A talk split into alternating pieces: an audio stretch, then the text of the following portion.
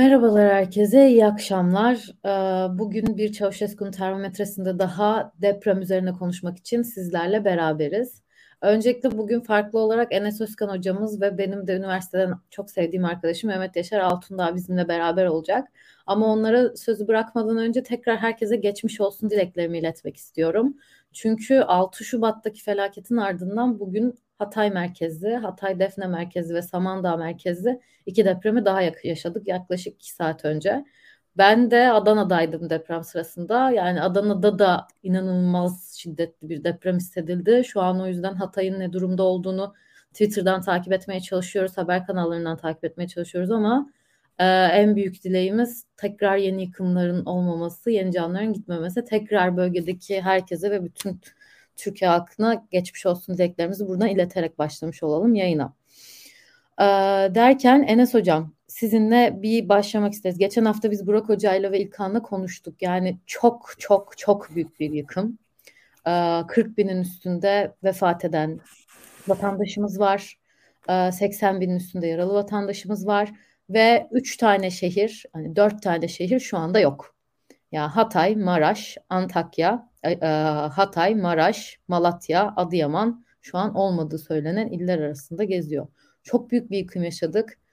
E, sonrası etkilerini de sizin ikinizle de konuşmak istiyorum. Nasıl toparlanacağız? Aslında bu yayını bugün bunu konuşalım diye şey yapmıştık ama sizinle beraber deprem hakkındaki görüşlerinizi alarak başlayabilirim. Enes Hocam sizinle başlayabiliriz. Sonra Yaşar'a geçeriz.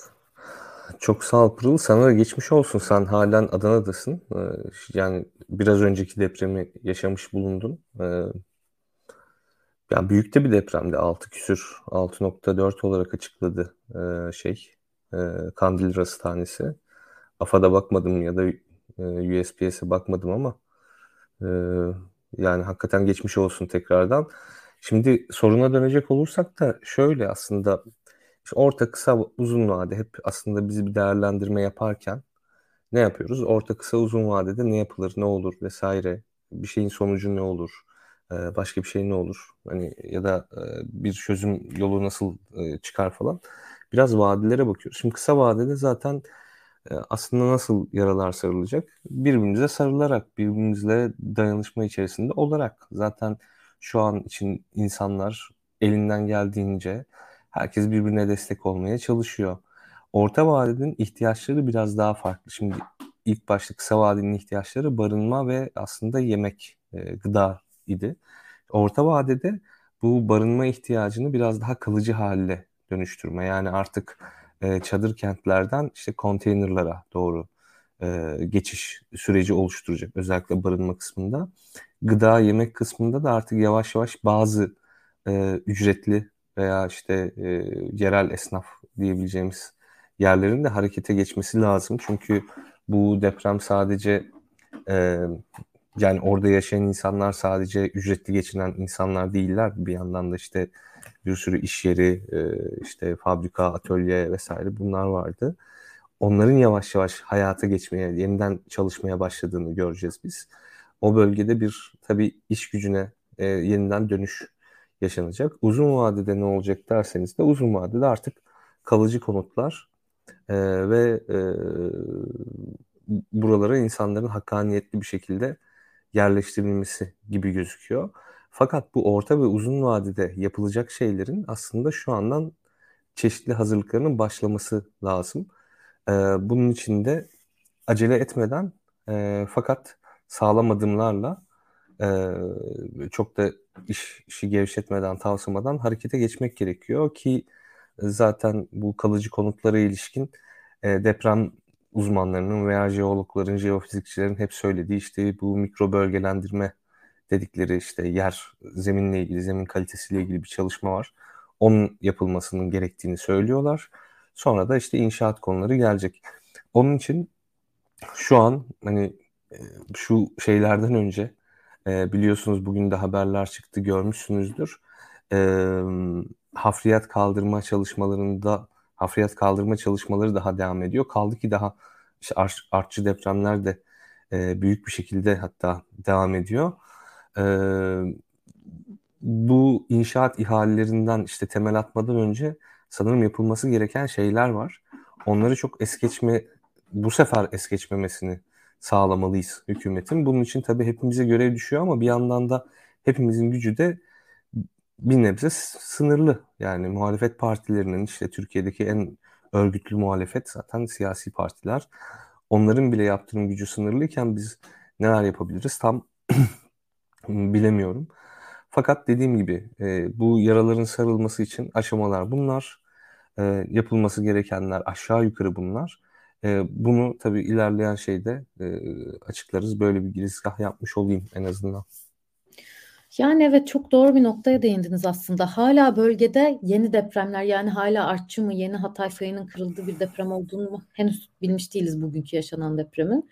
Hala evet, 6.4 büyüklüğünde yeni depremler yaşanıyorken bölgede haftaya başlayacak olan inşaat ihalelerine aslında birazcık sizin de dediğiniz gibi bilim adamlarını dinleyerek çünkü haftalardır bangır bangır bağırıyorlar diye depremler geleceğini. Şimdi Adana için tekrar uyarılar yapıyorlar. Hatay için tekrar uyarılar yapıyorlar.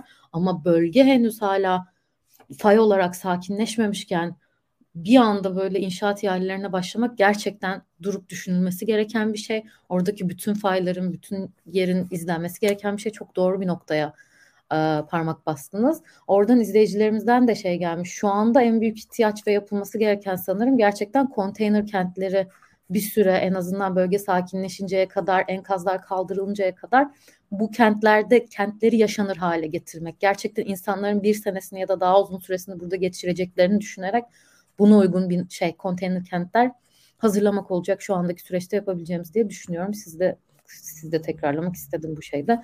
Yaşar sen ne düşünüyorsun? Ne söylemek istersin? Gerçekten çok büyük bir yıkım yaşadık. Yani 10 tane şehir etkilendi. Ee, Türkiye'de yaşayan herkes bir yakınını ne yazık ki kaybetti ve hala final rakamlara da ulaşmış değiliz. Çünkü hala kimliği belirlenemeyen pek çok kaybımız var. Gerçekten çok büyük bir felaket yaşadık. Sen bunun hakkında ne söylemek istersin? Herkese merhaba. Yine herkese ben de geçmiş olsun dileklerini ileteyim. Sana da ayrı ileteyim Pırıl. Sen de deminki depremi e, yüksek miktarda hissettiğini söylemiştin. Umarım e, sen de daha sakin hissediyorsundur. Yani herhalde şimdi şöyle ikircikli bir durum var. Asrın felaketi söylemi aslında iletişim başkanlığının kullandığı bir söylem. Fakat gerçekten de ortada bir asrın felaketi var. Şu manada hani son yüzyılda yaşanmış büyük depremlerden biri ve insan kaybının en fazla olduğu depremlerden biri. Fakat burada sorumluluğu da iyi teşhis etmek gerekiyor. Hani bu sorumluluğu depremden dolayı da gerçekleşmedi ya da deprem zaten var olan hayatımızın bir gerçeği. Nasıl yağmur yağıyorsa, işte toprak kayması gerçekleşiyorsa, e, Eylül ayında be, belli bitkiler meyve veriyorsa depremde bu topraklarda bir gerçeklik olarak var ve buna hazırlanmamak bir felaket. Bu da aslında e, hem 20 yıllık iktidarın gerçekten sorumlu olduğu noktalardan biri. Yani siz de belki arkadaş çevrelerinizde fark etmişsinizdir. Çünkü benim artık etrafımda çok konuşuluyor bu. Herkesin gündemine tekrar deprem girdi. Herkes tekrar İstanbul'da olacak depremi konuşuyor. Belki bundan bir ay önce ev tutacak olan arkadaşlarım deprem bölgesini hiç umursamazken tekrar deprem hepimizin hayatına girmiş vaziyette. Ee, insanlar kendi kolonlarının sağlam olup olmadığını araştırmak istiyorlar. Benim bazı arkadaşlarım şimdiden İstanbul'u terk etti ve Ankara'ya gitti. Yani Hatay'da bir deprem oldu ve burada çok ciddi bir kayıp var. Çok fazla insanımız öldü ama e, psikolojik olarak da yani toplumsal travma anlamında da bence bütün Türkiye'de de hissedilen bir durum oldu. Ve bence bir yandan da bize tekrar bir deprem ülkesinde yaşadığımızı çok net bir şekilde hissettirdi. Yani ben e, ilk günden beri arkadaşlarımızla konuştuğumda şunu e, hissediyorum. Biz yaşadığımız toprak yani bu topraktan kastım da hani jeolojik bir gerçekliği var ve bunun bilincine yeterince erişmemişiz. Buna dair hayatımızı düzenlememişiz. Buna dair imar ve iskan planlarımızı yapmamışız ve bunun bir bedelini ödedik. Bunun bedelini ödüyoruz. Hem e, çünkü Türkiye bir deprem ülkesi. Bunu da yaşamıyoruz ve bir yandan da şimdi biraz da şeyi de konuştuk aslında. Ee, Enes Hocam da biraz değindi. Hemen mesela enkazların kaldırılması falan filan. Yani burada bir gizli özne var. O da aslında seçim. Ee, seçime dair e, belli kaygılar var. İşte hemen harfiyatın toplanması. Hemen bakın iyileşiyoruz. Her şeyin üstesinden geliyoruz. Ve yeniden bir şeyleri inşa ediyoruz, kuruyoruz. Yönelik bir algı kampanyası var. İkinci olarak e, tabii burada bir ekonomi var. Yani o harfiyatların toplanmasından tutun orada hemen akabini hızlı bir şehrin inşası e, hızlı bir şekilde seçim ekonomisini canlandıracak, inşaat ekonomisini canlandıracak. Üçüncü olarak yani bölgede en az 6 ay bir sene bir akut problemlerin yaşanacağı çok bariz. Yani şu an insanlar temizlik probleminden bahsediyor, tuvalet probleminden bahsediyor. Uzun bir süre hijyen, işte e, kadınların e, ped ihtiyaçları, işte e, iç e, kıyafet ihtiyaçları, ondan sonra mobil tuvaletlere yönelik ciddi ihtiyaçlar vardı. Şimdi bu derece bu 6 ay 1 sene boyunca muhtemelen devam edecek. Fakat seçime de biraz oynandığı için hızlı bir bakın yardım kampanyasında bu işin üstesinden geldik söylemi var. Ama bunun böyle olmadığı da çok belli ve oraya uzun süre yardımda devam etmesi gerekiyor. Fakat bu hızlı bir tek bir kampanyayla her şeyi çözdük söylemi de biraz bu uzun vadeli e, kriz yönetiminin altında oyduğunu düşünüyorum ben. Yani burada aslında böyle bir de bir trade-off var. İkinci nokta bence e, yani bir, bir noktada bir kaynak dağıtım tartışması da var ortada. O da şu. E, şimdi şu ilginç bir durum var. Bir yandan bu 10 bölgede tekrar hayatın inşa edilebilmesi ciddi bir bütçe ihtiyacı hissediyor. Bir yandan da mesela İstanbul'da bir deprem bekleniyor. Yani önümüzdeki 5-10 sene içerisinde. Şimdi e, bir yandan İstanbul'da belki yıkılması gereken en az 50 bin 100 bin bina var. E, bir yandan tekrar o bölgeyi inşa etmeniz gerekiyor. Kaynaklar nasıl harcanacak? Nasıl bir afet yönetimi gerçekleştirilecek? Yani bu aslında mevcut ya şuna bağlayacağım en son. Belki ikinci tura öyle geçeriz. Devlet yok söylemi en baştan beri e, böyle enkazlardaki insanlara ulaşmadaki zorluğu altını çiziyor. Fakat bence 15 bin 20 bin binanın yıkıldıktan sonra oradaki enkazları kaldırmak çok zor. Yani hiçbir devletin öyle bir devlet kapasitesi yoktur diye düşünüyorum. Çin veya Amerika Birleşik Devletleri dahi olsanız. Zaten en başta o enkazların, ya o binaların yıkılmaması gerekiyor. O binaların yıkılmayacak düzenlemeleri hayata geçirebilmeniz, müteahhitlere öyle bir baskı kurabilmeniz, işte il meclislerinde bu rantın engellenebileceği bir sistem kurmanız gerekiyor. E, dolayısıyla 15 bin 20 bin yani devlet yoktu söylemi 15 bin 20 bin binanın yıkılmaması yıkılmaması gereken bir sistem e, kurulmaması bence e, ona işaret etmesi gerekiyor. E, dolayısıyla şimdi İstanbul'da da benzer bir durumla karşı karşıyayız. Bence e, dolayısıyla aynı şeyleri tekrarlanmaması gerekiyor. E şimdi böyle bir ortada kaynak sorunu var. Mevcut kaynakları mesela İstanbul'da hem siyasi hem ekonomik kaynağı İstanbul'a mı harcayacağız? Bir yandan harcamamız gerekiyor. Fakat bir yandan da bu depremi yaşadık. Dolayısıyla krizlerin sürekli büyüyerek devam ettiği bir e, durumdayız. Ya çok güzel değindin. Gerçekten İstanbul tehlikesinde konuşalım. Tabii ki İstanbul şu anda Türkiye'nin finans, iş, yaşam, her şeyin merkezi olduğu ve çok büyük bir nüfus barındırdığı ve kentleşmenin çok kötü olduğu bir şehir. Burayı ekstra olarak sizinle tekrar konuşmak istiyorum ama oraya geçmeden Enes Hocam, Yaşar çok güzel bir şeyden bahsetti aslında. Kira fiyatları ve aslında bunun ekonomisi. Bir ekonomist olarak tabii ki siz de şeyde konuştunuz ama çok büyük bir yıkım gerçekleşti ve bunun toparlaması çok kolay olmayacak ekonomik olarak da. Sizinle daha önce şeyde konuşmuştuk bu İstanbul'da kira fiyatlarının artışını ama şu an Türkiye'nin her yerinde kira fiyatları artıyor. Çünkü depremzedeler Konya'ya bile yani şu an Konya, Karaman en güvenli bölgeler olduğu için oraya kaçan, orada ev tutan insanlar var. Ve ben bizzat biliyorum 2000 lira olan Konya merkezdeki bir tarafında Konyalı ev kiraları şu anda 6-7 bin lira ki daha da artacağı özellikle bu depremlerden sonra söyleniyor. Mersin hakeza Mersin bölgede en güvenli olduğu için insanların gittiği bir yer ama inanılmaz kiralar arttı. Hem bu yönde aslında hayatta kalmaya çalışan vatandaşları etkileyen ekonomik bir kısmı var bunun. Bir de o şehirlerin kalkınması için gereken ekonomik bir e, ihtiyaç var, bir ekonomik durum var. Bunun hakkında ne söylemek istersiniz genel olarak? Şimdi bu kira mevzunun iki yönü var aslında. Şimdi bir, yani kiralar bir yandan mecburen artmak zorunda. Tamam. Bu depreme has olduğu için demiyorum. Yani deprem oldu, işte kiralar arttı mevzusu için değil. Ya bir yere dışarıdan insanlar geliyorsa orada siz de gelen insanları barındıracak kadar birden konut arzı yaratamıyorsunuz. Yaratamıyorsanız mecburen artıyor. Tamam Bu e, yani insanoğlunun insan olmaktan kaynaklanan maalesef durumlarından biri. Kaldı ki bir yerde kira artınca işte sadece ev sahibine artmıyor o kira. İşte ev sahibi de aynı zamanda başka yerde kiracı olabilir. Şu bu böyle bir sürü birbirine bağlı e, şeyler var. Hani enflasyon olunca kiralar sabitlendi. Ev sahiplerinin kimisi mağdur oldu ya. Bu ne kadar küçük bir gruba e, özel bir şey olsa da bu bir gerçeklik. Öte yandan birden fazla ev sahibi olma e, haliyle bir tane ev sahibi olma hali arasında belli farklar var. Bu tabii başka programın konusu.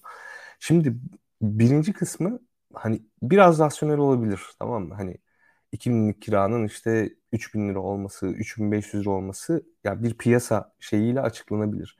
Ama ondan daha fazla artıyorsa ki bunun hani net bir oranı yok tabii ki elimde. Hani belli hesaplamalarla bulunabilir ama ondan daha fazla artıyorsa bu sefer aslında bizim yine insan olmamızdan kaynaklı bazı işte durumlarımız devreye giriyor. Onlardan biri de açgözlülük veya işte gelecekteki e, yani elindeki kaynakları işte en verimli kullanma e, isteğiyle işte haza doğru koşan o evrimsel e, gayet e, anlaşılabilir bir durum. Orada fakat devreye neyin girmesi gerektiği konusunda bir sıkıntı var. Şimdi e, insanlar diyor ya devlet yok, devlet yok. Biz de uzun süredir devlet kapasitesi üzerine çalışıyoruz. İşte devlet kapasitesi, liberteryenizm, şu bu, işte küçük devlet zayıf devlet midir? Güçlü devlet işte hormonlu büyük devlet midir vesaire. Bunların hepsi üzerine düşünüyoruz tamam mı? Şimdi devletin olmaması gereken yerde Türkiye'de devlet yok. Şey devlet var. Hatta tepemizde. Devletin olması gereken yerde ise devlet yok. Şimdi devlet nasıl bir organizasyon? Kardeşim devlet böyle e, yani nefret edeceğiniz veya seveceğiniz bir organizasyon değil. Devlet dediğin şey bayağı bizlerin işte oluşturduğu e, işte belli organizasyonel kabiliyetleri yüksek olsun vesaire diye belli verimlilik kaygılarıyla oluşturduğumuz bir şey. Bu bir tarihsel gerçek. Böyle afet anlarında, e, dış tehdit anlarında özellikle afet anlarında zaten biz bu organizasyon kapasitesini sonuna kadar kullanmak istiyoruz vatandaşlar olarak. Ama bu organizasyon kapasitesi bir türlü e, bu anlarda değil de başka anlarda karşımıza çıkıyor. İşte yani vatandaşına geçen Bilgehan söylemişti sanırım programda. Yani gidip yani bir şehirde işte en büyük binayı yapmak işte güçlü devlet olmanın göstergesi değil. Yani gidip orada şey vatandaşa hakikaten tuvalet yetiştirebiliyor musun tamam mı? Deprem anında. Yani deprem anında tuvalet yetiştirebiliyorsan yeteri kadar asıl o zaman güçlü devlet oluyorsun. Yani vatandaşı mağdur etme kabiliyeti çok yüksek bir devletle karşı karşıyayız. Vatandaşını mutlu etme, dara düşen vatandaşını sıkıntıdan kurtarma kabiliyeti ise neredeyse sıfıra inmiş bir devletle karşı karşıyayız. Üniversitelerin kapanmasından tutun işte KYK yurtlarına öğrencilerin yerleştirilmesi şudur budur böyle bir sürü şey var. Normalde ya böyle afet anlarında ya kardeşim muhalefeti bilmem nesi şusu busu bir araya gelir. Meclis dediğin zaten Türkiye'dir. En büyük e, işte e, bizim denetim aracımız hükümeti orasıdır. Ya yeniden bir planlama yaparlar. Hızlıca yeniden bir bütçe oluştururlar. Ek bütçe oluştururlar. Ee, birbirleriyle konuşurlar. Herkes bir işin ucundan tutar. Ee, işte ne bileyim Türkiye'deki mesela çok basit bir öneri tamam mı? Yurtları kapatmak yerine işte üniversiteleri kapatıp yurtlara depremzedeleri yerleştirmek yerine Türkiye'deki hemen otelleri belirlersiniz, yatak sayılarını belirlersiniz. Onlar için bir ekonomik havuz oluşturursunuz. Dersiniz ki bu yatak sayısının üçte biri depremzedelere ayrılacak e, diğer geri kalan 3'te 2 e, yatak potansiyelini hepiniz birlikte bölüşeceksiniz, paylaşacaksınız. En azından bir sene böyle devam edeceksiniz. Mesela bu basit, normalde de yapılan bir şey.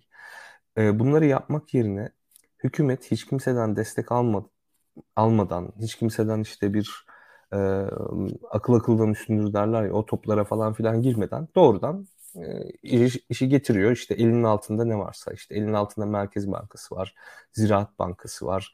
Ya Rütük bile bağış yapıyor.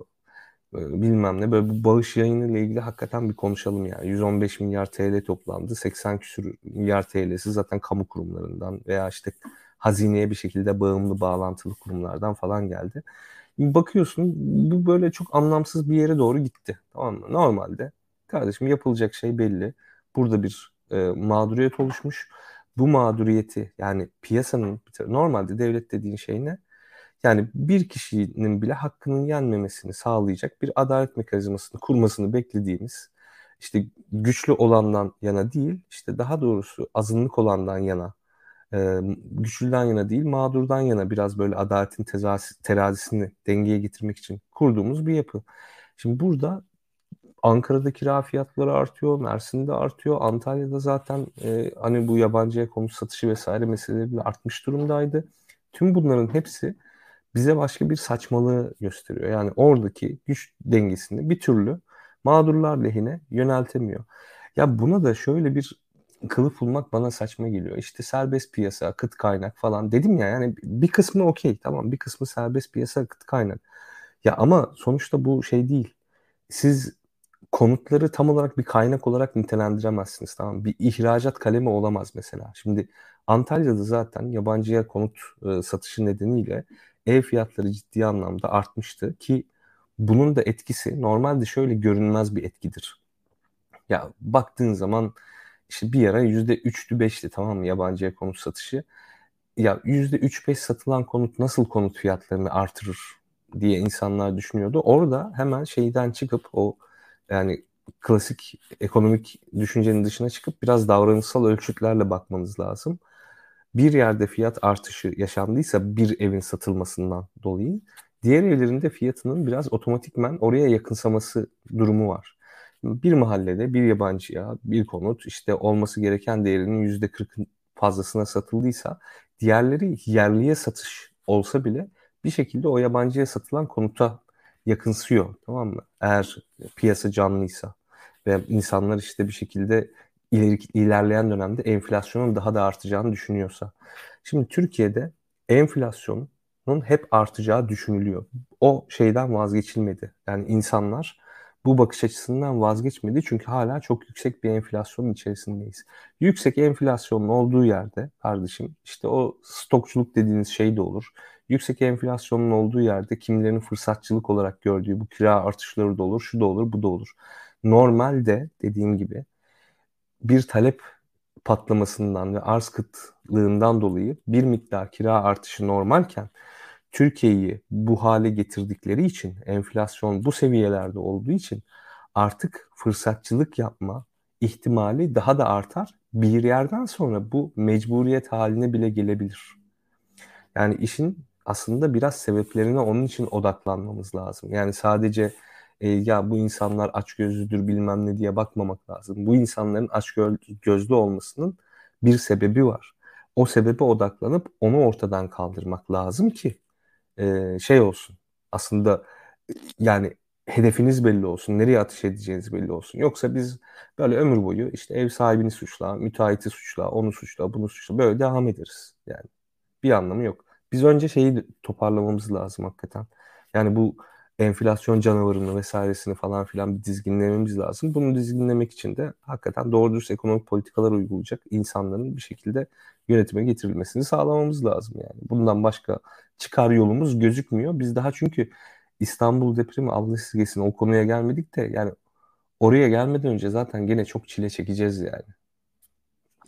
Ya burada da aslında sizin söylediklerinizden en azından benim anladığım bu felaketin de daha önceki yaşadıklarımızın da bize gösterdiği Türkiye'nin en büyük derdi başkanlık rejimi ve yukarıdan gelecek tek bir adamdan gelecek emiri beklemek yüzündendi. Yani bu afette de anladık. Bütün kurumlar yukarıdan gelecek talimatı bekledikleri için çok fazla şeye müdahale etmekte geciktiler. Belki müdahale etmişlerdi, durduruldular. Çok fazla söylenti de var ama tek bildiğimiz tek bir insandan gelecek talimatı beklemek gerçekten çok fazla cana mal oldu. Daha öncesinde de çok fazla başka türlü şeylere mal olmuştu. Yaşar da çok yakın zamanda Daktilo 1984 YouTube kanalında Yakın Tarih isimli bir video serisine başladı. Ve orada aslında başkanlık döneminde nelerin değiştiğini de çok net ve çok anlaşılır bir şekilde anlatıyor. O yüzden Yaşar sana birazcık da bu felaket üzerinde gerçekten ne düşünürsün? AK Parti'nin 2002'den gelen bu düzeninde son başkanlık dönemi de bu felaket üzerinde etkili midir ya da söylemek istediğin herhangi başka bir şey var mıdır? Orada sana bırakayım sözü. Şimdi belki e, izleyiciler de mutlaka farkına varmıştır. Felaketin ilk anlarından itibaren biz şöyle paylaşımlar gördük. Bir grup mühendis işte Amerika'da yaşıyor. Microsoft'ta belki işte orada bir senior engineer vesaire. Bu insanlar bir araya geldi. Hatta Amerika'da bile olmasın Türkiye'de işte yüksek lisans doktor öğrencileri. Bu insanlar bir araya geldi. Tek tek en Twitter'da kullandıkları, Twitter'dan buldukları datalarla binaları işaretlediler. Google Maps üzerinden haritalandırma yaptılar.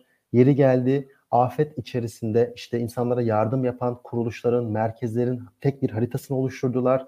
Yeri geldi işte e, örgütlerle işte özellikle uluslararası yardımlar için, uluslararası e, yabancı insanlar için bunu İngilizceye çevirdiler vesaire vesaire. Yani biz hem veri biriktirme hem veriyi görselleştirme ve aynı zamanda insanlara anlaşılabilir, hızlı erişilebilir e, uygulamalar üretme konusunda sivil inisiyatiflerin muazzam bir çalışmasını gördük. Ben de çok etkilendim kişisel olarak.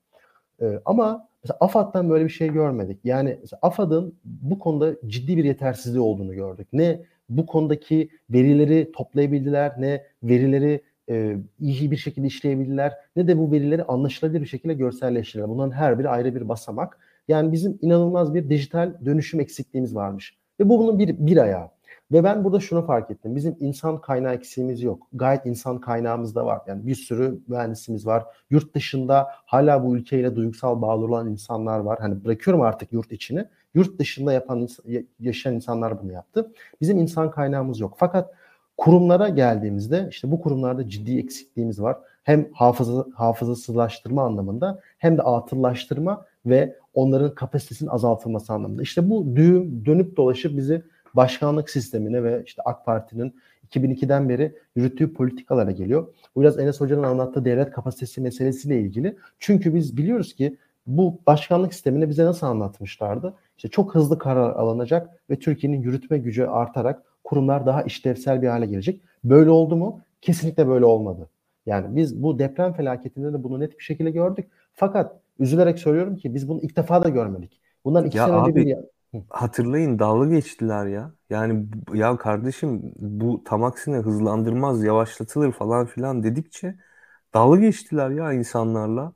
Yani işte yok oradan bilmem ne genelgesini mi bekleyeceksin? İşte bak Cumhurbaşkanı yap diyecek. Ya, ya kardeşim o zaman söyledi insanlar ya. Dediler ki ya Cumhurbaşkanı her gün kaç tane emir verebilir? Kaç tane atama yapabilir? Kaç tane imza çıkartabilir? Yani bu başkanlık sistemine ilk geçtiğinde hatırlıyorsanız 300 bin küsür tane imza beklemişti bir müddet. Erdoğan'ın masasında bekliyordu.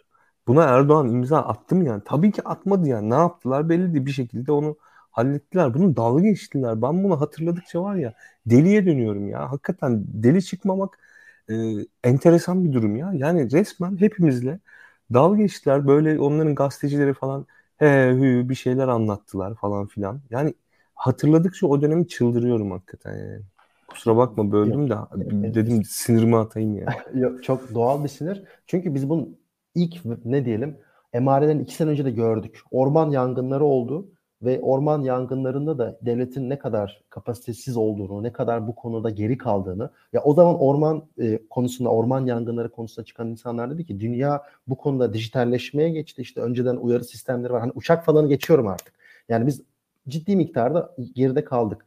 Fakat toplumsal olaylarda da biz bunu yaşıyoruz ya ekonomik kriz yaşıyoruz. Mesela 3 senedir biz ekonomik krizin içerisindeyiz. Bunu biraz makyajlayabiliyorlardı. İşte krizin kriz yok. İşte insanlar uyduruyor. İşte bunu bir takım algı odakları yayıyor. Veya bunun sebebi işte faiz lobisi falan.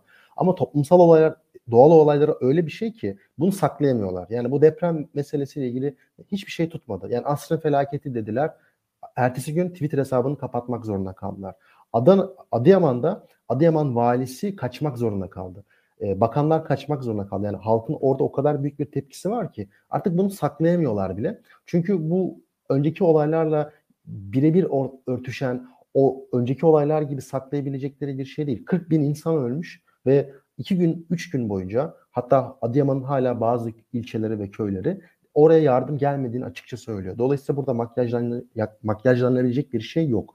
Ve daha önemlisi bu yani şimdi burada öyle bir kamu ne diyelim bu kamusal olarak yani bu kamu kurumların yetersizliğinin farkına varıyorlar fakat çözüm olarak diye gördükleri tek şey imaj. Burada sadece bir algı yönetimi yapıyorlar. Yani ilk gün Twitter'ı kapatmaları bununla çok önemli. Çünkü sadece ve sadece bir düşman bularak bu meselelerin üzerine aşmaya çalışıyorlar. Şu anki düşmanımız kim oldu? Haluk Levent oldu. İşte e, Oğuzhan Uğur oldu. Çünkü sivil inisiyatiflerin orada varlığından da hiç mutlu değiller. Hem oraya dahil etmiyorlar bu tarz sivil inisiyatifleri, bu tarz yardım şeylere. Dahil edebilecekleri sadece kendi e, politik gruplarına yakın gruplar. Eğer o ne diyeyim siyasi halkın içerisinde değilse bunu hiç e, hoşnut karşılamıyorlar. Ya da buradan bir düşman bularak o bütün o sorumluluğu onun üzerine atmaya çalışıyorlar. İşte bunun en son örneği Ahbab'ın e, başındaki Haluk Levent oldu. Şimdi ikinci nokta şu bence. Bütün bunların sonucunda nasıl bir topluma doğru gidiyoruz? İşte bence bu da belki siz de ileride buna katkı sağlamak istersiniz. Yani dedik ya Mersin'de kiralar artıyor, Ankara'da kiralar artıyor, İstanbul'da kiralar artıyor. İnsanlar artık iyice kriz haline dönüşmüş durumda. İstanbul'da bireyler kendi başına en azından olabilecek depreme karşı çözüm arayışı içerisinde belki işte Ankara'ya e, gidebilen Ankara'ya gidiyor veya işte uzaktan çalışabilenler başka bir şehre yerleşerek uzaktan çalışmaya devam ediyor. Bunun gibi aslında şeyler. Fakat şimdi zaten biz 2-3 senedir bir enflasyondan bahsediyoruz. Bunun üzerine muazzam bir siyasi baskı.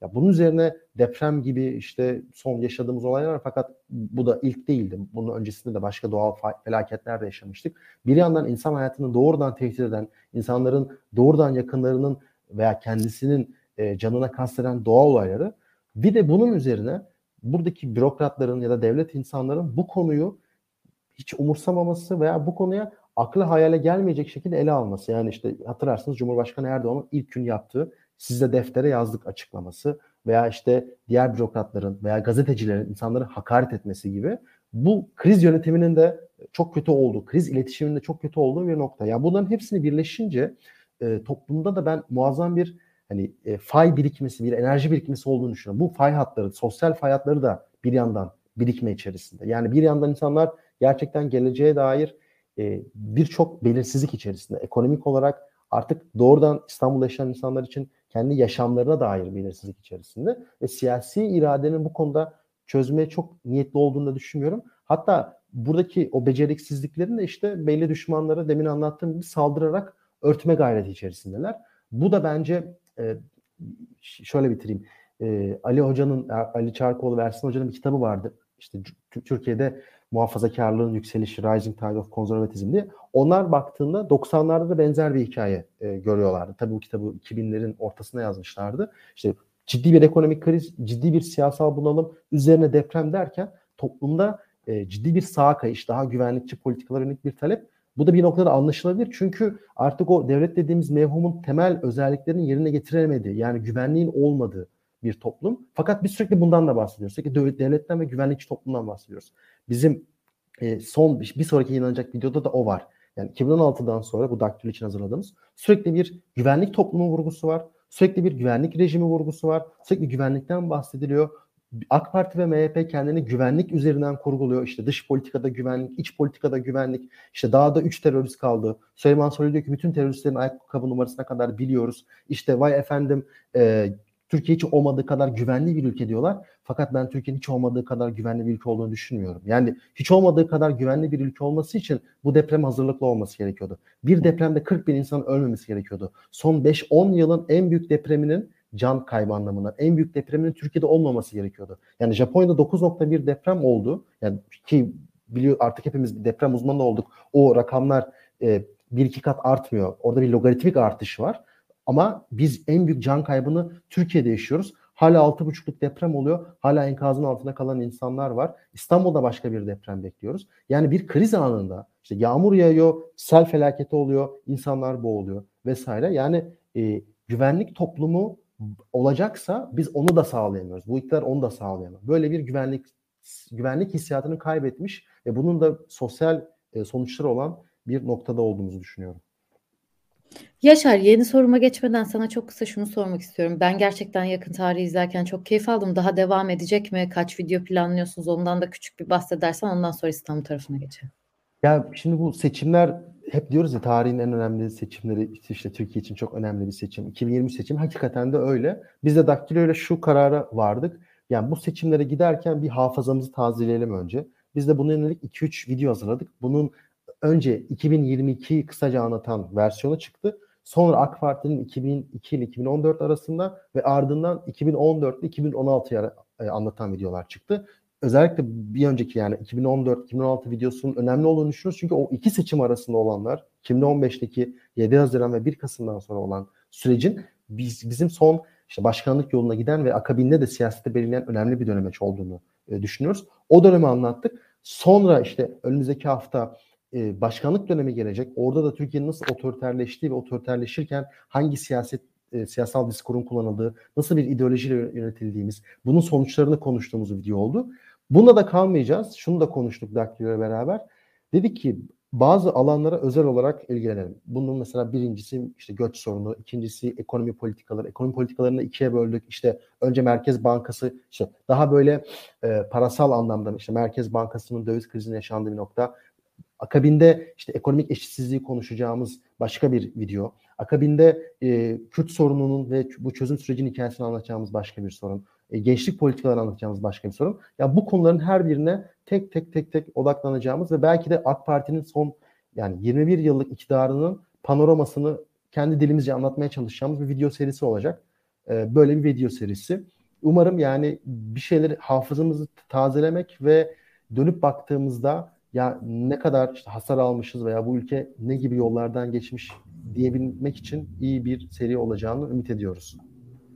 Yani şimdiden ellerinize sağlık. Gerçekten şey çok önemli. Biz burada bile bir senenin sonunda yaptığımız yayında Ocak'ta olan şeyi gündem o kadar çok kalabalık olduğu için unuttuğumuzu şey yapıyoruz. Hafıza tazelemek gerçekten çok önemli. 21 yıllık yani gerçekten dile kolay 21 yıllık bir dönemi geçirdik. Neler olduğunu hatırlamak çok önemliydi. Tekrar ellerinize, emeklerinize sağlık. Emeğe geçen herkesin diyelim. E, bu arada oynatma listesi var YouTube kanalımızda. 2023 seçimine doğru yakın Türkiye siyasi tarihi. Sadece Yaşar da yok bu arada videolarda. Sağ olsun videoların hem arkasında emek veren hem de Yaşar'dan bir önceki videoda yine başka arkadaşımız da olmuştu.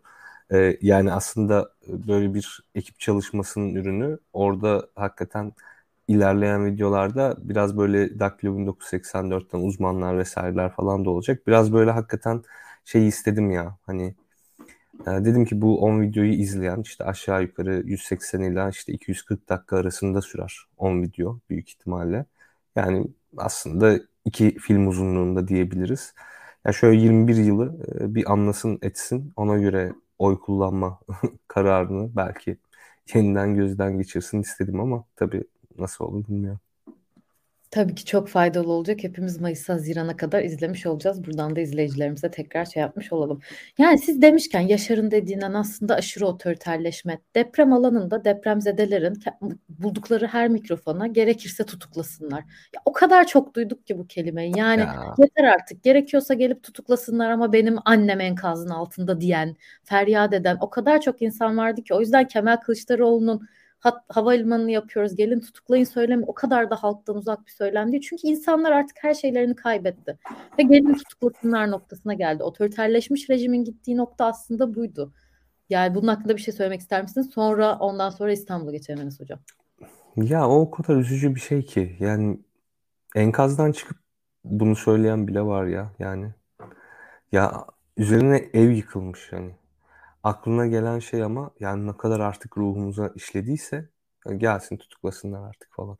Ki zaten biliyorsunuz bizim işte Özgün Emre Koç işte bizim de araştırmacılarımızdan, çalışma arkadaşlarımızdan biri. Bu depremin ilk günü işte e, ordunun, askerin bir şekilde güvenliği sağlamasına yönelik bir çağrısı vardı. Onun üzerine işte gözaltına alınmıştı mesela.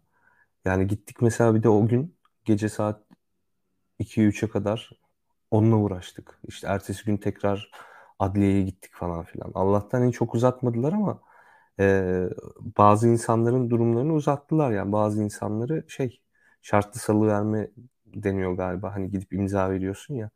Ona aslında bir nevi mahkum ettiler yani. Ve şey vardı ya engelli bir arkadaş vardı ya işte tweet atmış tamam mı?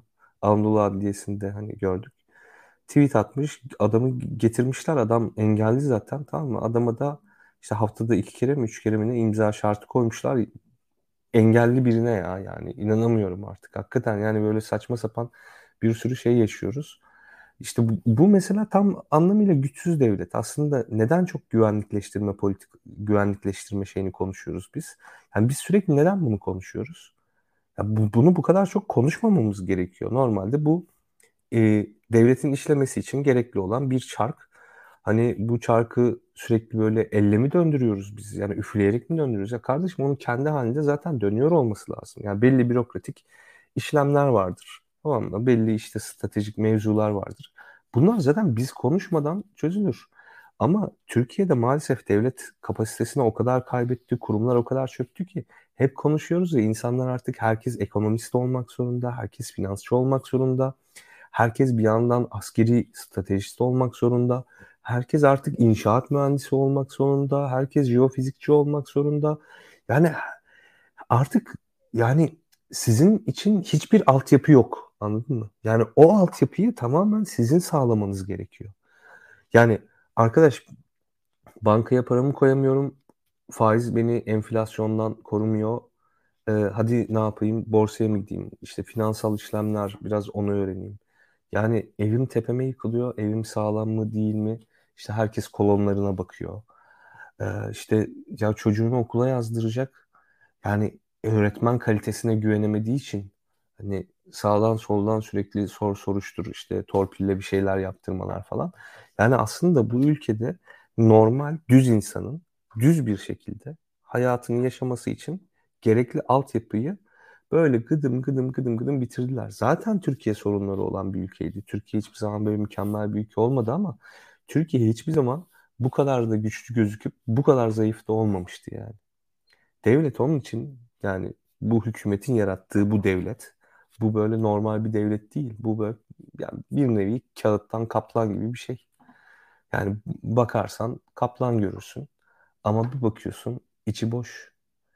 Yani o kadar can sıkıcı bir şey ki bu. Bu o kadar büyük bir sorun ki yani sürekli her şeyi kendinizin düşün kendiniz düşünmeye çalışıyorsunuz. Şeyi düşünün ya işte sürekli kalbinizi kendinizin attırmaya çalıştığını düşün işte midem öğütsün falan. Hani sanki onları da böyle içeride çalışan bir mekanizma değil de aynı kolunuz bacağınız gibi kırmızı kaslarla hareket ettirmeniz gerektiğini düşünün. Yani sürekli ve ritmik normalde işte kolunuzu ne zaman oynatıyorsunuz ya bir şeyi kaldırmaya ihtiyaç duyduğunuzda falan ama kalp, işte mide, akciğer falan bunların hepsi birbiriyle çok uyumlu bir şekilde tıkır tıkır tıkır tıkır çalışması gereken şeyler. Bunların hepsini böyle düşünerek çalıştırmanız gerektiğini düşünün. Yani bu, şu an Türkiye'de yaşamak buna bir eş değer bir şey yani.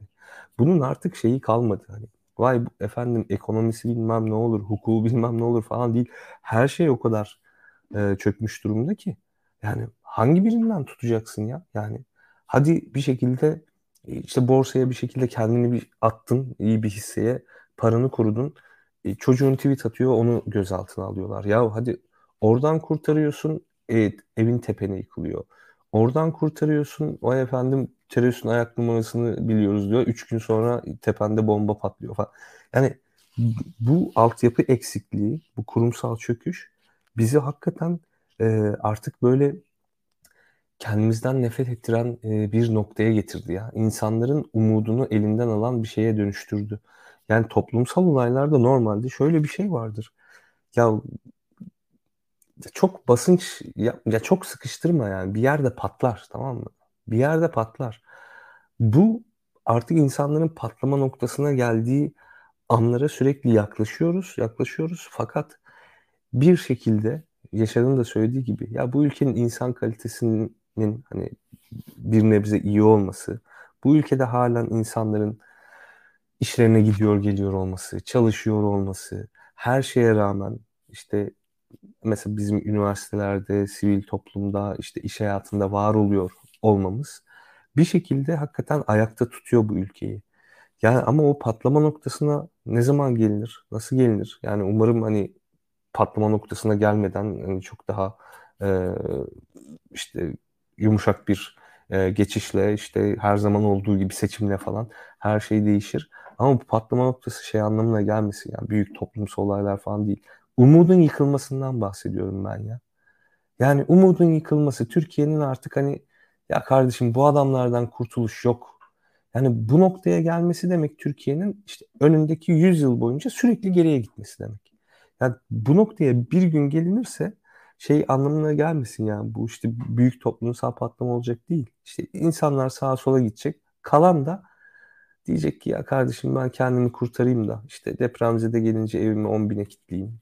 İşte bilmem ne olsun falan filan. Hani bunları daha çok yapayım. Öyle kendi gemimi yürüteyim. Etliye sütlüye de karışmayayım.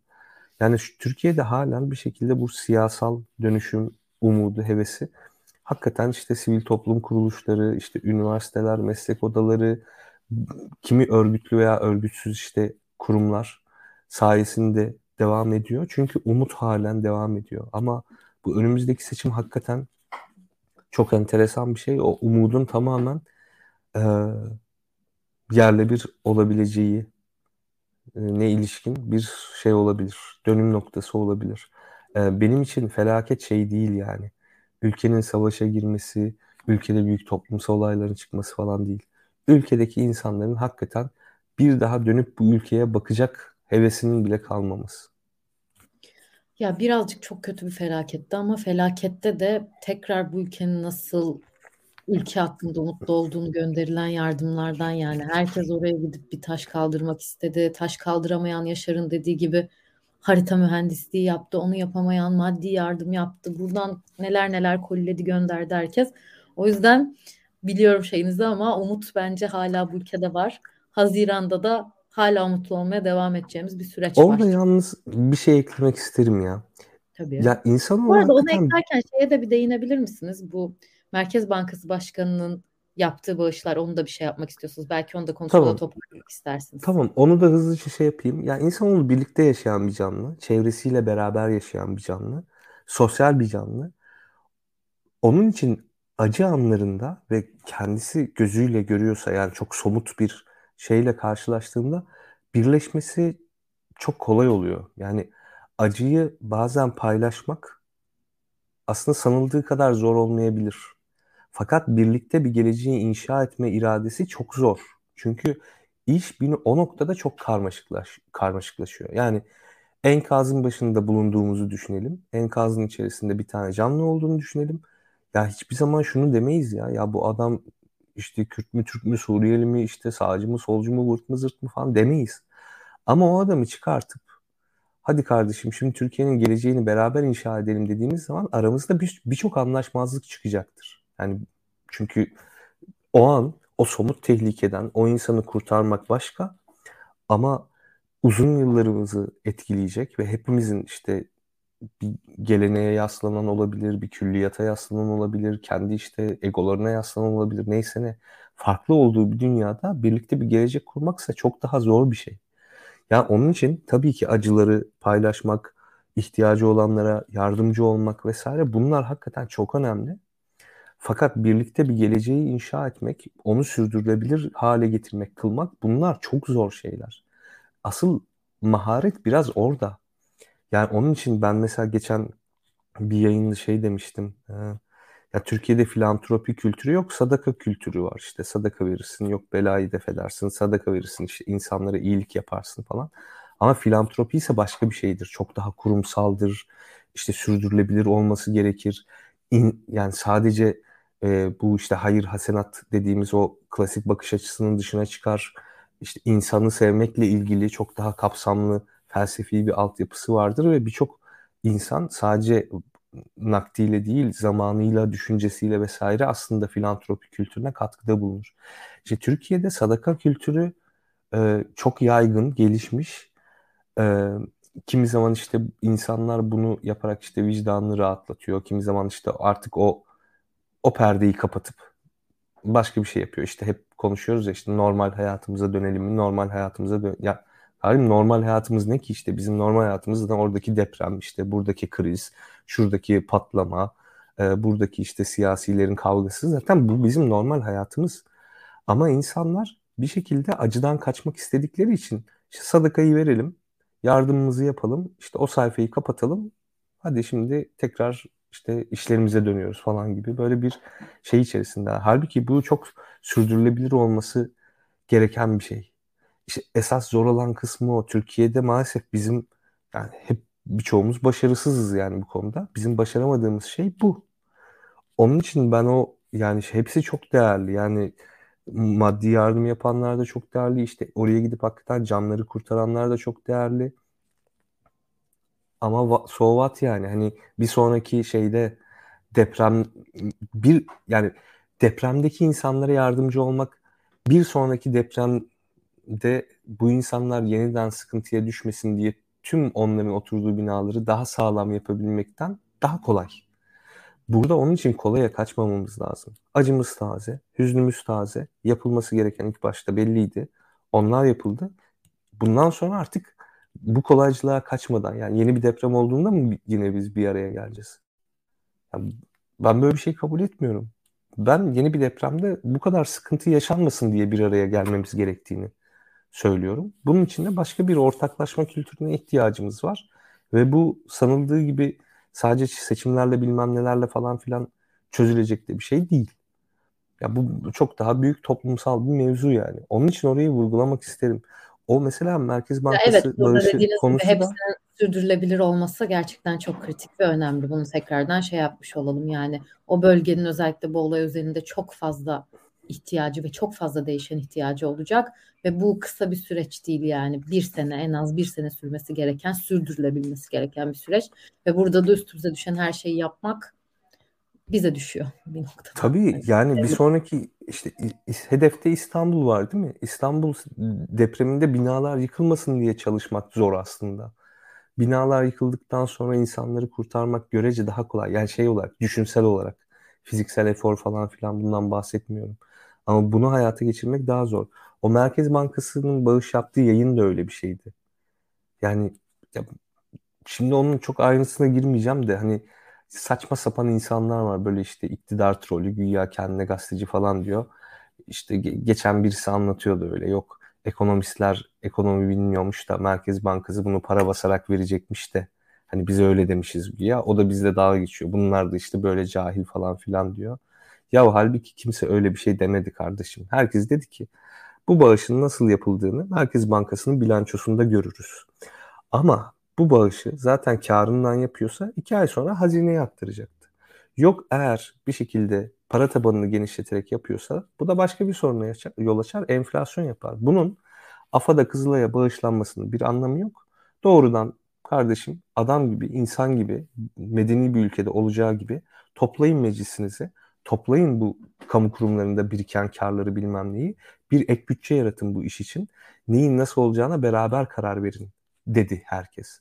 Ama onlar hala bu işlerle dalga geçmeyi seçiyorlar. Hala işte yok bir senede şu kadar konut yaparız demeyi seçiyorlar. Şunu seçiyorlar. Bu, ya, ya ben bir senede değil 10 bin, değil 100 bin, 1 milyon konut yapılmasını da isterim.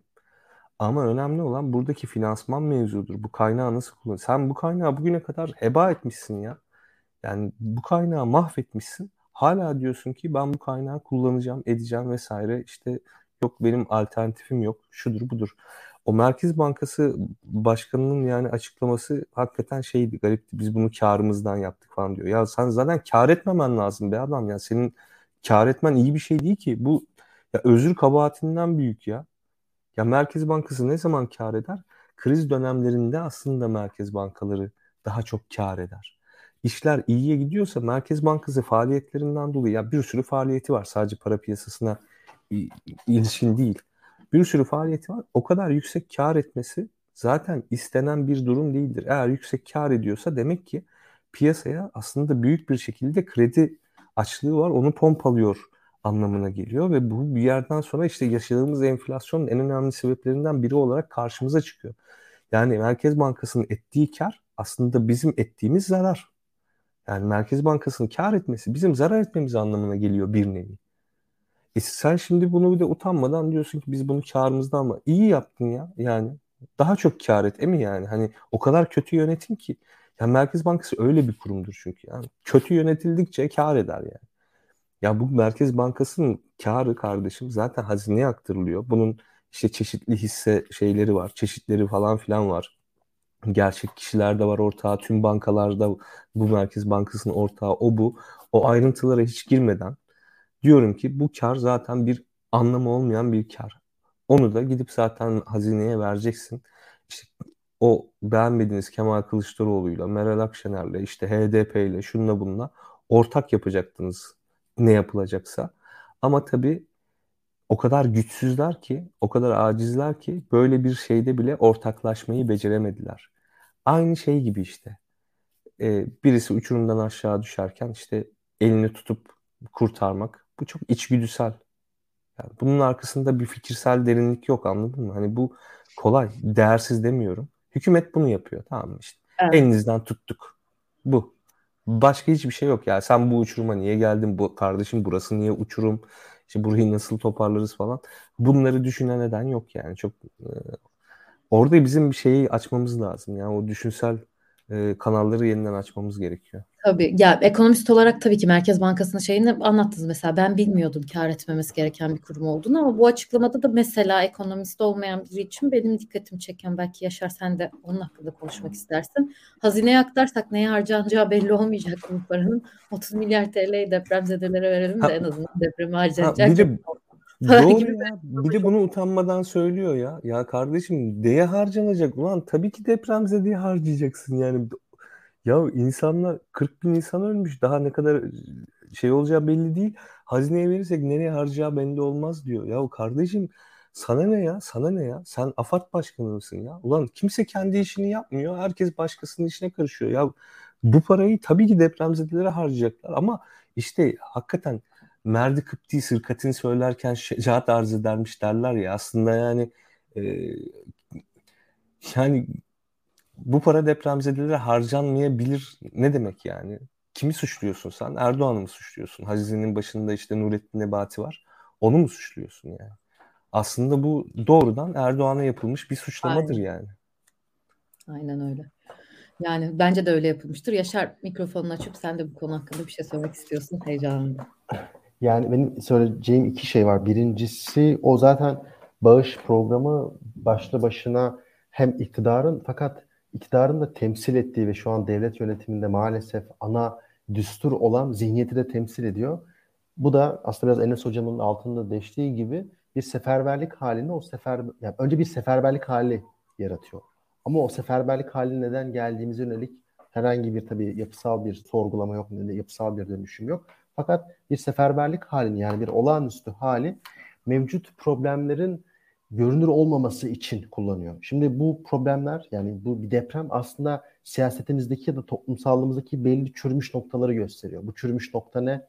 Bence sadece müteahhitlerin suçlu olmadığı, müteahhitlerin de suçlu olduğu bu arada. Yani ama sadece onların suçlu olmadığı, e, imar, rant etrafında kümelenen ve siyasetçiyle o rant ekonomisi arasındaki çürük bağlar. Bu müteahhit oluyor, yapı denetimci oluyor, yeri geliyor il meclisleri oluyor, belediye başkanı oluyor, imar bak ulaştırma bakanlığı oluyor. Orada tabii ki Cumhurbaşkanlığı sistemine kadar uzanan fakat birçok alanda gördüğümüz bir rant ekonomisi hali.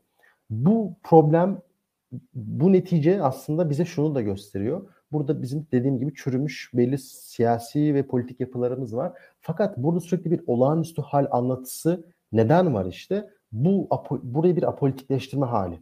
Şimdi bunu alalım. Asrın felaketi söylemi için veya o bağış gecesi için de kullanalım. Bağış gecesinde işte yayına bağlanan çok e, AK Parti döneminde zenginleşmiş e, işte insanlar bağlanıyor. Tabi bu arada 115 milyarın 85 milyarının bank kamu kurumlarından gelmesini geçiyorum. E, buraya bağlananlar bir aslında bize hayırseverlik anlatısı yapıyor işte. Birlik ve beraberlik vakti. İşte günün sonunda e, vatanımız sağ olsun. Şimdi gün devlet eleştirme günü değildir. Şudur budur. Oradan bize bir en başta bir hayırseverlik anlatısı. Yani ki bu buradaki birçok bağlanan işte bu ne bileyim büyük inşaat şirketlerinin zaten toplumun bir bir bölümünde karşılığı çok zayıf. Oradan işte 200 kez de, 200 kez değiştirilmiş bir ihale kanunu var. O ihale kanunuyla zenginleşmiş belli e, rant ekonomisi ağları var. E, bazı inşaat şirketleri var. Var da var. Ve bunlar aslında bir kendi ne diyelim imajını yeniliyor. İkincisi buradan da aslında bir apolitik bir sadaka kültürü yaratıyor. Buradan da büyük bir bağış anlatısıyla problemleri hemen çözdük. Fakat bence zaten bu seferberlik ruh hali problemin kendisi. Birincisi buradaki politik çürümüş yapıları baskılamaya çalıştığı, üzerine örtmeye çalıştığı için. ikincisi bize sürekli bir seferberliğe mahrum kaldığı için. Yani işte orman yangını oluyor, İBAN açalım bu işi çözelim. İşte deprem oluyor, İBAN açalım bu işi çözelim gibi. Fakat biz niye, niye buraya geldik? İşte bu e, çok daha anlamlı ve bence daha temel bir soru. Bunları sorguladığımızda bir şeylerin değişeceğini düşünüyorum. Çünkü ben depremin ilk günü şu tweet'i gördüm. İşte Türk milletinin özü seferberliktir. Eğer o, o mudur bilmiyorum. Türk milletinin özü seferberlik midir? Bence bir soru işareti ama oysa tehlikeli. Oysa bunları yaşamamızın sebebi o zaten. Bizim bu seferberlik halinde yaşamıyor olmamız gerekiyor. Yani bizim daha öngörülebilir bir toplum ve öngörülebilir bir hayatta yaşıyor olmamız gerekiyor. Bu bence daha kıymetli olan. Sürekli heyecanlı ve atraksiyonlu bir hayatta yaşamak iyi bir şey değil. Sürekli o yardım duygusunun ortaya çıkıyor olması iyi bir şey değil. Bizim yerimize bazı kurumların bunu zaten yapıyor olması gerekiyordu. Yapı denetimcilerin zaten o binalar daha yıkılmadan oraya müdahale ediyor olması gerekiyordu. O Rönesans binasının oraya yıkılmamış olması gerekiyordu. Ama işte temel problemin burada olduğunu düşünüyorum. Şimdi İstanbul depremine geri döndüğümüzde yine ortada daha karmaşık bir problem var. Yani mesela ben yine burada da Jeof, tabii ki jeofizikçiler konuşacak ve onlar bize depremin fay hatlarından bahsedecek. İstanbul'daki beklenen depremin büyüklüğünden ve hangi kıyıların daha fazla vuracağından da bahsedecek. Bahsetsinler çok güzel. Fakat şunu düşünüyorum ben. Biz fay hatlarını bilmediğimiz için İstanbul depreminde daha az önlem alıyoruz. Ben öyle olduğunu düşünmüyorum. Herkes zaten İstanbul'da bir deprem beklendiğini de biliyor. Türkiye'nin aşağı yukarı bir deprem ülkesi olduğunu da biliyor. Yani hepimiz zaten ilkokuldaki derslerden, büyüklerimizin anlattığından ya da şu an yaşadıklarımızdan Türkiye'nin bir deprem olduğunu, ülkesi olduğunu farkındayız. Fakat burada aslında daha karmaşık bir sosyal problem içerisindeyiz ve belki bunun finansmanını, hukuki boyutunu ve siyasi irade boyutunu konuşmamız gerekiyor. Ve bence çanlar çalmaya başladı. Yani en az İBB'nin raporları var. Bütün ilçeler için ve toplam rakamı kontrol etmedim ama ciddi bir çürük bina durumu var ortada. Bu çürük binalarda yaşayan insanlar var. Mesela ilk aşamada bu insanların buradan belki çıkartılması gerekecek. Fakat çıkartılacak ikinci bir problem doğuyor. Bu insanlar nereye gidecek? Çünkü bunun da bir finansmanı ve bunun da bir konut yapımına ihtiyaç duyuluyor. E bir noktada e, konut fiyatları çok hızlı artmış durumda. Zaten hani geçen seneden beri konuştuğumuz Türkiye'de bir konut krizi var. İlginçtir Türkiye'de konut eksikliği var. Yani inşaat ekonomisiyle büyüyen bir ülkeyiz. Türkiye'de konut eksikliği var. Özellikle bir orta halli ailenin yaşayabileceği, belki lüks işte bir artı birler, iki artı birler bilmem ne gökdelenlerinde evlerde bir konut stoğu sıkıntısı yok belki veya villalarda. Fakat normal ortalama vatandaşın yaşayabileceği konut ihtiyacımız var. Bunu mesela finansmanını konuşmak gerekiyor. İkinci olarak bunun hukuki boyutunu konuşmak gerekiyor. Çünkü mesela çürük binalardan insanları nasıl çıkartacağız? İkinci soru. Mesela binanın güçlendirilme ihtiyacı var. Fakat ev sahipleri buna izin vermiyor. Bir çeşitli sebeplerden ötürü. Mesela bunun maliyetini üstlenmek istemiyorlar. Veya ev sahibi orada oturmuyor. Kiracısı orada oturuyor. Kiracısının çıkacağından ve kiralamamasından dolayı duyduğu endişeden dolayı güçlendirme yapmak istemiyor. Veya oranın kentsel dönüşüme gideceği dair bir tartışma var. Fakat 150 metrekarelik ev 120 metrekareye düşecek çeşitli kent regülasyonlarından dolayı. Bundan dolayı yaptırmak istemiyorlar. Veya mirasçısı 10 kişiye bölünmüş mirasçısına ulaşılmıyor. Dolayısıyla bir karar verilmiyor. Yani hukuki boyutu ayrı bir karmaşa içerisinde. Finansman boyutu ayrı bir karmaşa içerisinde. Sosyolojik bir boyutu var. İnsanlar mahallelerini bazen takip bırakmak istemiyorlar. Veya bu kentsel dönüşümleri bir rant hikayesi olarak görüyorlar. Yani hem sosyolojik ve siyasi irade boyutunda da bir güvencesizlik var. E, Şimdi şunu da dürüst olayım. Büyük müteahhitler sorumlu. Fakat yeri geliyor insanlar da bu e, ne diyelim evini bırakmak istemiyor da kiracısını kira vermesini devam etmek istediği için siyasi iradeye karşı bu konuda bilenebiliyor. Şimdi mesela İkrem İmamoğlu İstanbul'da 10 bin bina yıkıyoruz dese bu belki bizim evet çok doğru bir karar diyeceğimiz bir şey olacak ama birçok insanın hoşuna gitmeyecek bir karar olacak. Çünkü orada bir rant var, orada bir ekonomi var. Dolayısıyla birçok ayakta yaşadığımız bir problem var. İşte bunları konuşmak gerekiyor bence ilk aşamada.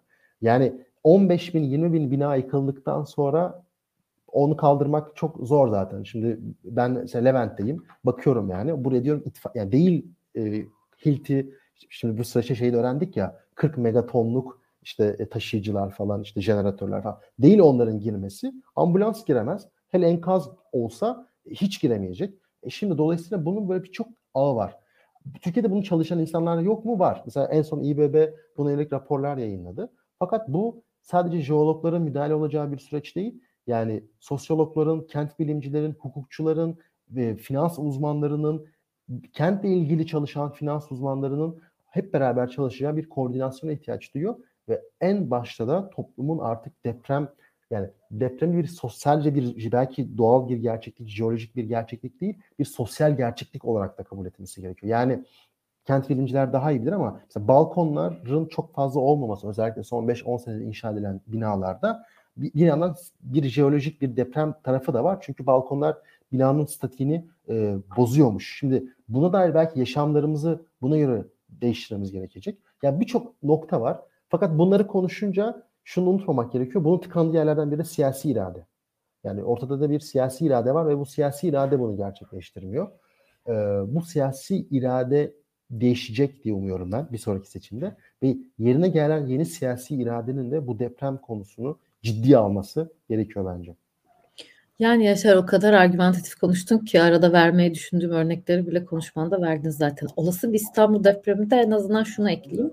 Ya şu andaki İstanbul'un şu andaki halinde ben mesela evim yıkılmasa bile ki 80'lerde yapılmış bir apartmanda oturuyorum Kadıköy'de.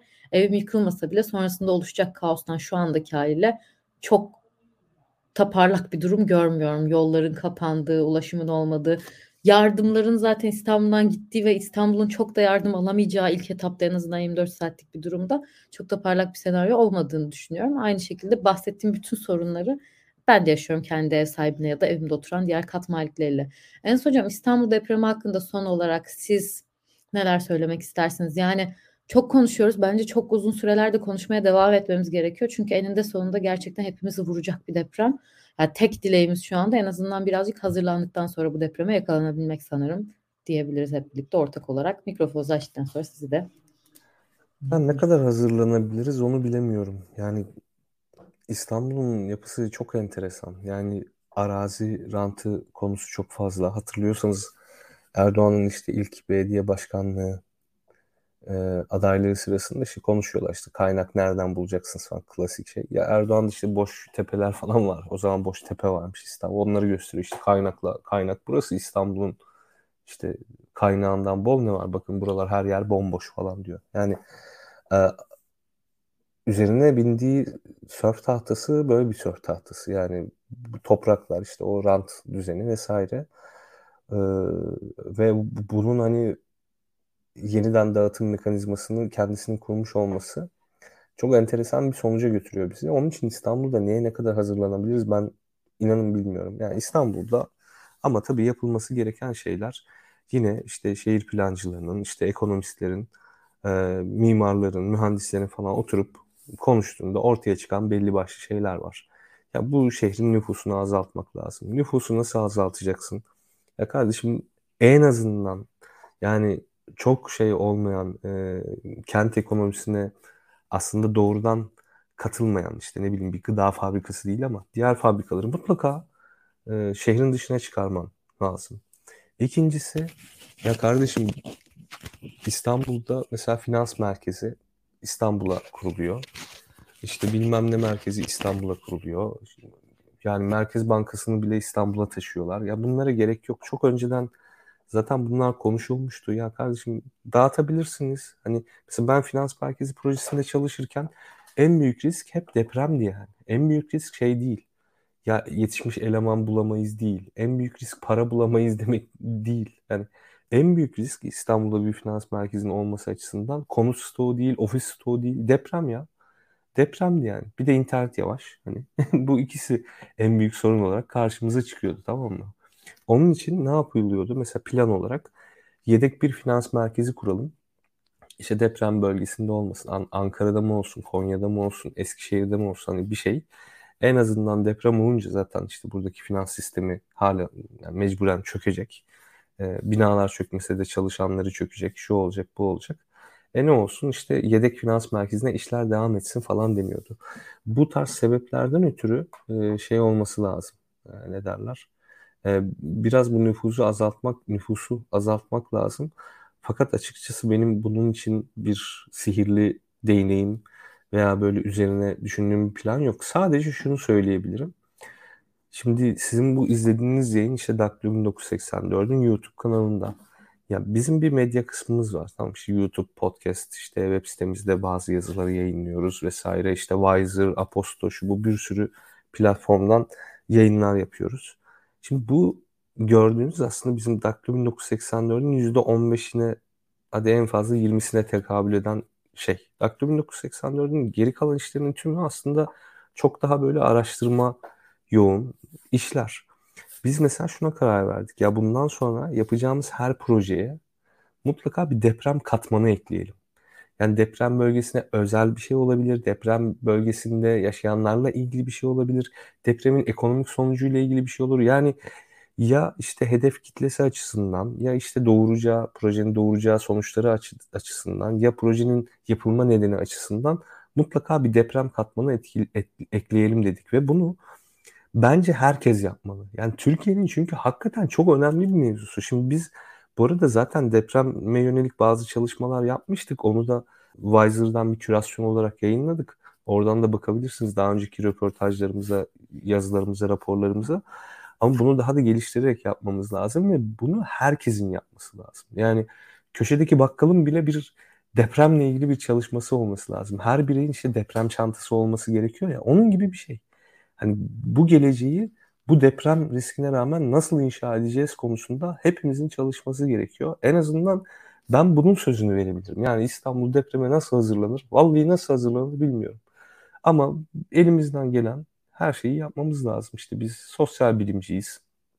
E, bu işin yani iktidarlarla, devletle, toplum arasındaki o örtük anlaşmadan kaynaklanan bu rant ekonomisinin çözülmesi üzerine belki bir şeyler yapacağız. Bilmiyorum ama birçok şey yapabiliriz. Ona uğraşacağız. Mesela biz de işte 49W'de hemen şey dedik. Bir İstanbul depremi videosu çekelim.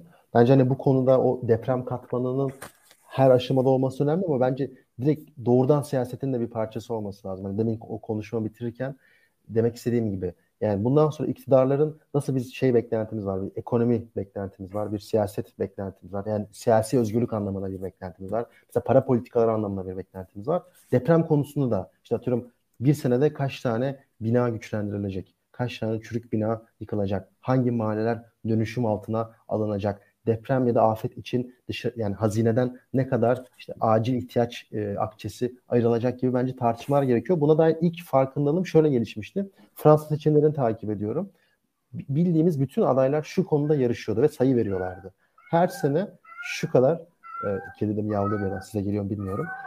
Her sene şu kadar bina yeşil dönüşüm için ve ısı, ısı izolasyon için tekrar yapılandırılacak. Yani burada böyle bir tartışma vardı. Bu bir siyasi bir rekabet alanı haline gelmişti. Bence depremin kendisi de böyle bir politize alana dönüştürülmeli ve burada da bir siyasi rekabet yaratmalıyız ve burada partiler bu bir aslında partiler arası bir konsens olmalı ve rekabet içerisinde hareket etmeli. İşte demin bahsettiğim somut örnekler içerisinde olduğu gibi. Bence bu hatta şey bile arkadaşlarımızla konuşmuştuk. Belki Türkiye Deprem Partisi gibi partileri bu alana doğru itecek, bu alanda çalışmaya doğru itecek bir e, farkındalık Bence o anlamda sivil toplumun mesela Daktilo'nun ya da işte bizim 49W'nun deprem ihtiyaç, deprem yönelik çalışmalar yapması da e, siyasileri bu konuda daha e, hassas ve bu konuyu daha ciddi alan bir noktaya itebilir diye düşünüyorum. Çünkü bence siyasi iradenin kesinlikle bu konuyu bir katman olarak alması gerekiyor. Yani evet ikiniz de çok güzel tamamladınız aslında. Bu ülke fay hatları üzerinde olan bir deprem bölgesi. Kuzeyinde heyelan ve sel bölgesi. Ege'sinde ormanlarından dolayı sahip çıkamadığımız için yangın bölgesi. Afetlere hazırlıklı olması gereken bir ülke. Ve bunun için biz elimizden geleni yapmakla beraber siyasi partilerden ve devletten Yaşar'ın da dediği gibi beklentilerimizi her zaman tutmamız gerekiyor. Ve bu gerçeği hiçbir zaman unutmamamız gereken bir Türkiye'de yaşıyoruz. Diyerek son sözlerinizi de alıp bugünlük yayını birazcık toparlayalım isterim. İzleyicilerimiz bilir normalde bir saati aşmamaya çalışıyoruz. Ama Yaşar ve Enes Hoca'yı ilk defa gördüğümüz için beraber de yayında gerçekten de çok ya şu sıralarda konuşmaya bazı şeylere çok ihtiyacımız olduğu için biraz uzattık. O yüzden son sözlerinizi alıp ufaktan kapatalım bu yayını da isterim. Estağfurullah. Ben biraz performansım şey anlamında düşüktü kusura bakmayın. Hem işte çocuk uyuyor sessiz konuşmaya çalışıyorum hem de çok yoğun günlerden geçiyoruz falan. Ben böyle bazı fikirleri kafamda hakikaten zor toparlayabiliyorum. Onun için biraz dağınık konuştuysam, böyle yavaş konuştuysam falan kusura bakmayın normalde e, daha tat veren e, en azından şekilde düşüncelerimi ifade edebilirim. E, onun için izlediğiniz için ya da teşekkürler. Ben Eyvallah. Valla. Çok sakin sakin konuştuğunuz şeyiniz de çok o da ayrı keyifliymiş valla. Ben her konuşmadan çok keyif alıyorum. Bunun da ayrı keyfi varmış. Ben de çok teşekkür ederim. Hem zaten Pırıl'la çok uzun zamandır arkadaşız. Onunla yayın yapmak çok keyifli oldu. Enes Hocam sizinle de. Ben de şeyi fark ettim. Yani e, duygusal olarak da böyle biraz yukarı giden ve aşağı giden bir süreçten geçtiğimiz için yer yer ben de kendime ifade etmekte zorlanmış olabilirim. Çünkü bir yandan hani hissettiklerimiz çok net gibi geliyor bana. Yaşadığımız sorunlar çok net gibi ama o duygusal iniş ve çıkışlar belki e, onu aktarmamızda zorluş, zorluklar yaratmış olabilir. Umarım yani e, felaketlerden ders alarak ilerlediğimiz bir Türkiye doğru ilerleriz diye düşünüyorum. Çok teşekkür ederim herkese. Ağzınıza sağlık. Yorum yazan, bizi takip eden izleyicilerimizin de ellerine sağlık. Her zaman okuyoruz ve yayında da yer vermeye dikkat ediyoruz. O zaman bu haftalık kapatıyoruz. Herkese iyi geceler dileyerek iyi akşamlar dileyim. İyi akşamlar.